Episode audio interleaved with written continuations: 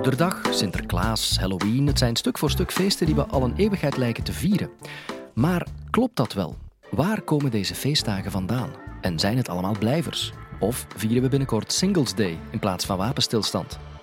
Mark Jacobs bekijkt onze kalender door een andere bril. Dit is de Universiteit van Vlaanderen.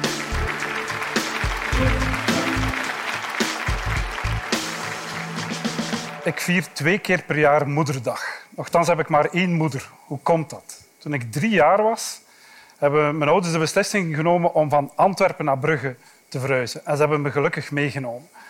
En in Antwerpen wordt Moederdag op 15 augustus gevierd. In de rest van Vlaanderen wordt Moederdag op de tweede zondag van mei geparkeerd. Wat heeft dat nu te maken met 11 november? Wel, het is zo, ik ga jullie daarvoor meenemen en ik ga daar een omweg voor gebruiken. Moeten eerst nog enkele elementen verzamelen die we nodig hebben op onze zoektocht.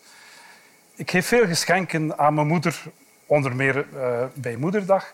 En er is een heel belangrijk essay dat in 1925 door Marcel Mauss geschreven, geschreven is, Essai sur le don, waar hij het belang van geschenken geven analyseert.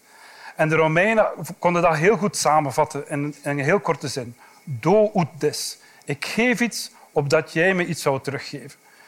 En uh, dat geven en de verwachting dat je van iemand anders of van vrienden of familie iets terugkrijgt, dat maakt eigenlijk banden in de maatschappij. Als ik niet goed bezig ben, dan geef ik jullie een cadeau waar het prijsetiketje nog aan hangt.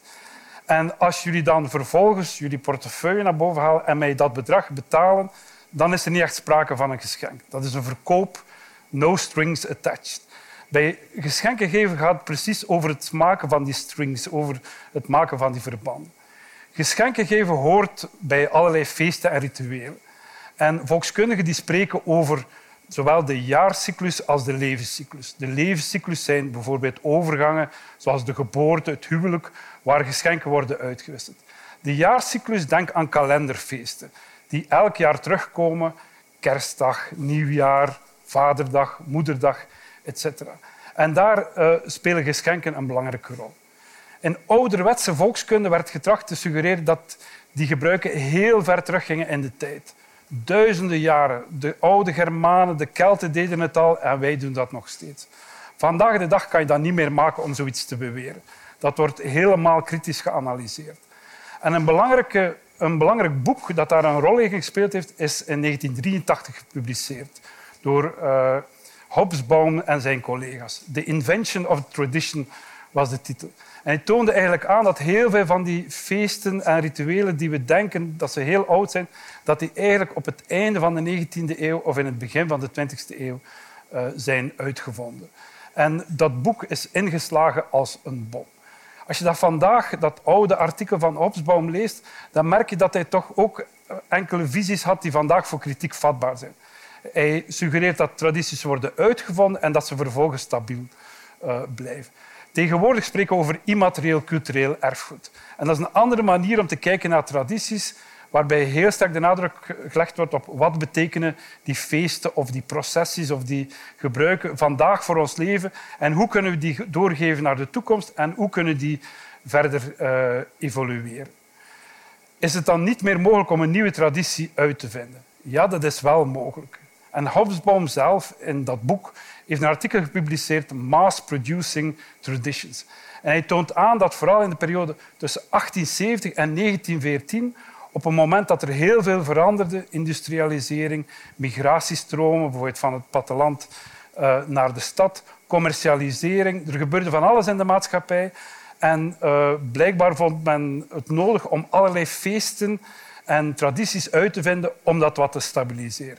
En dat is precies uh, wat er gebeurd is in die jaren. Een schoolvoorbeeld is Moederdag, zoals we dat vieren op de tweede zondag van mei.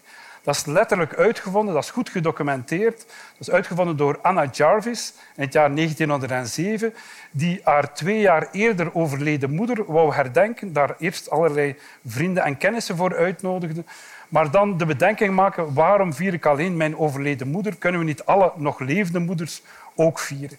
En ze begonnen allerlei mensen te mobiliseren in Philadelphia, in Grafton, etc. En organiseerden zo'n dag op de uh, verjaardag van het overlijden van haar uh, moeder, dus in mei. Van, en daarom is de maand mei gekozen. Allerlei mensen pikten dat op, politici. Bijvoorbeeld in het jaar 1913 waar, waren er debatten in de Amerikaanse Senaat. Kunnen we iets doen met die moederdag? En in 1914 is het een nationale feestdag geworden in de Verenigde Staten. Na de Eerste Wereldoorlog is dat, heeft dat zich verspreid in Europa. Dat is niet toevallig gebeurd. Onder meer onder druk van de bloemenverkopers en andere verkopers is dat hier geïntroduceerd. Dus dat is een van de redenen waarom ik dat ene cadeau geef. Het verhaal van Moederdag van Anne Jarvis, ik heb daar zelf ook wat onderzoek naar gedaan. En een van de fascinerende figuren uh, die daarin voorkomt is John Wanamaker. En John Wanamaker is een heel bekende figuur in de geschiedenis van de marketing en de consumptiemaatschappij. Hij is onder meer de uitvinder van, van de slogan Niet tevreden, geld terug. Hij heeft zelf als een van de eerste de supermarkten ontwikkeld door vanaf de jaren 1860 allerlei kleine winkeltjes onder één groot dak samen te brengen en uh, daar een speciale formule op toe te passen, namelijk afstappen van het onderhandelen over de prijs, van het uh, afdingen en bieden, en dat allemaal te vervangen door één speciaal soort uh, prijsetiketje waar de vaste prijs werd vastgesteld. En die John Wanamaker was vanaf 1908 heel erg geïnteresseerd in het project van Anne Jarvis. En hij sponsorde dat mee, hij organiseerde congressen, hij creëerde een propaganda-eenheid en maakte daar heel veel reclame voor. Dus als je daarover nadenkt, de uitvinder van het prijsetiketje heeft steun verleend aan het project van de uitvindster van Moederdag om dat samen groot te maken. Hij deed dat naar verluid om religieuze redenen, maar ik vermoed toch ook dat commerciële overwegingen daar een zeer belangrijke rol in spelen. Vanwaar nu die Antwerpse Moederdag? Dat hebben we te danken aan een Antwerpse politicus en kunstenaar, Frans van Kuik, die in 1913, al dan niet geïnspireerd door het Amerikaanse voorbeeld, het idee had van ik ga een moederdag organiseren in Antwerpen.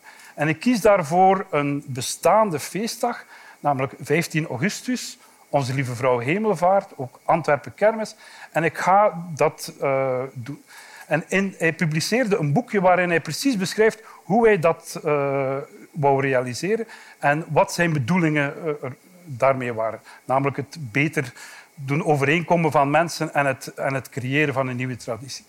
Hij was heel slim om dat te lanceren. Hij lanceerde het idee op het banket van de journalisten en dagbladeigenaars in januari van 1913. En prompt begonnen de kranten daarover te schrijven. Van hoe gaan we dat doen? Hij schreef in het stadsarchief van Antwerpen zijn eigenlijk al zijn plannen bewaard. En hij contacteerde allerlei stakeholders, het onderwijs, de middenstand, bedrijven, collega-politici. Iedereen die uh, daar iets voor zou kunnen doen, werd warm gemaakt. Hij schreef ook een boekje waar hij precies beschreef, hij deed echt aan micromanagement, hoe een ontbijttafel moet versierd worden voor moeder, hoe een uh, deur kan versierd worden, hoe de stoel moet versierd worden. En hij gaf zelfs instructies van hoe uh, de taart er zou moeten uitzien die verkocht wordt. En hij was zelf kunstenaar en hij tekende heel, een heel mooie hartvormige taart en gaf instructies aan de bakkers dat dat er op 15 augustus moest zijn. Dus hij liet niets aan het toeval over. Hij had aan alles gedacht. Hoe kan er Moederdag gevierd worden in weeshuizen? Wat kunnen we daaraan doen? Hoe, wat kunnen we doen in kazernes of in ge gevangenissen? En het was werkelijk zo, niemand kon ontsnappen aan die Moederdag op 15 augustus 1913. Was een weergaloos succes. Dat was zeer goed in de, in de markt gezet. In 1914 werd dat opnieuw gevierd. Dan kwam helaas de Eerste Wereldoorlog. Maar onmiddellijk na de Eerste Wereldoorlog, in 1919, werd dat hervat tot op vandaag. Dat is de reden waarom ik twee keer een cadeau kan geven aan uh, mijn moeder. Die Eerste Wereld, dus heel veel van die feesten werden uitgevonden tussen 1870 en 1914. Maar onmiddellijk na de Eerste Wereldoorlog werden ook allerlei feesten gerelateerd, nee, geen feesten, herdenkingen, gerelateerd aan de oorlog gelanceerd. En onder meer wapenstilstand uh, op 11 november 1918 die wapenstilstand werd getekend om vijf uur s morgens, maar ging in om elf uur uh, in de morgen. Om precies dat effect 11, 11, 11, uh, om daarmee te spelen.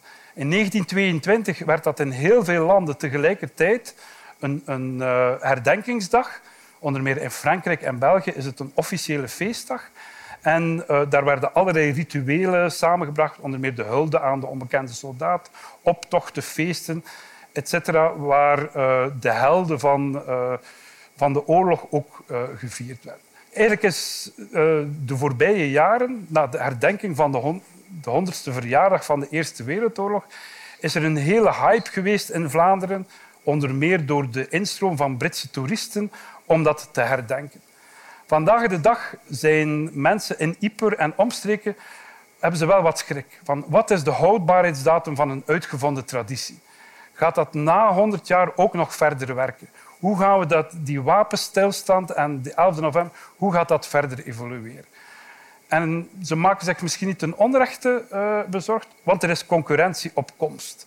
En met name uit China. En dat is die Singles Day.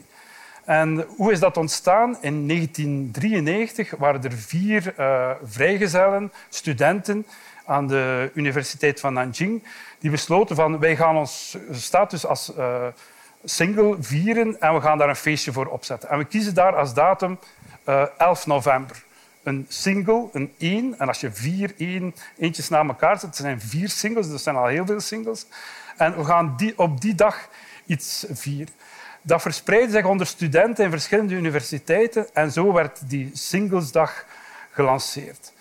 Dat kreeg een enorme impact uh, in de voorbije tien jaar. Omdat online bedrijven zoals Alibaba, waar je dingen uh, via internet kan bestellen, en dat wordt dan vervolgens de volgende dag en in China vaak de dag zelf, geleverd, die zetten zich daarachter. En die begonnen een campagne van op Singlesdag geef je een cadeau aan jezelf. En we, geven dat, we bieden daar met name de helft van de prijs voor het normale product. En ze, waren heel slim. Ze zeiden ook van, maar Singlesdag kan ook een, manier zijn om cadeau aan een andere single te geven. En dan raak je misschien van die single-status af. En als je geen single bent, niemand gaat dat controleren, kan je ook online bestellen.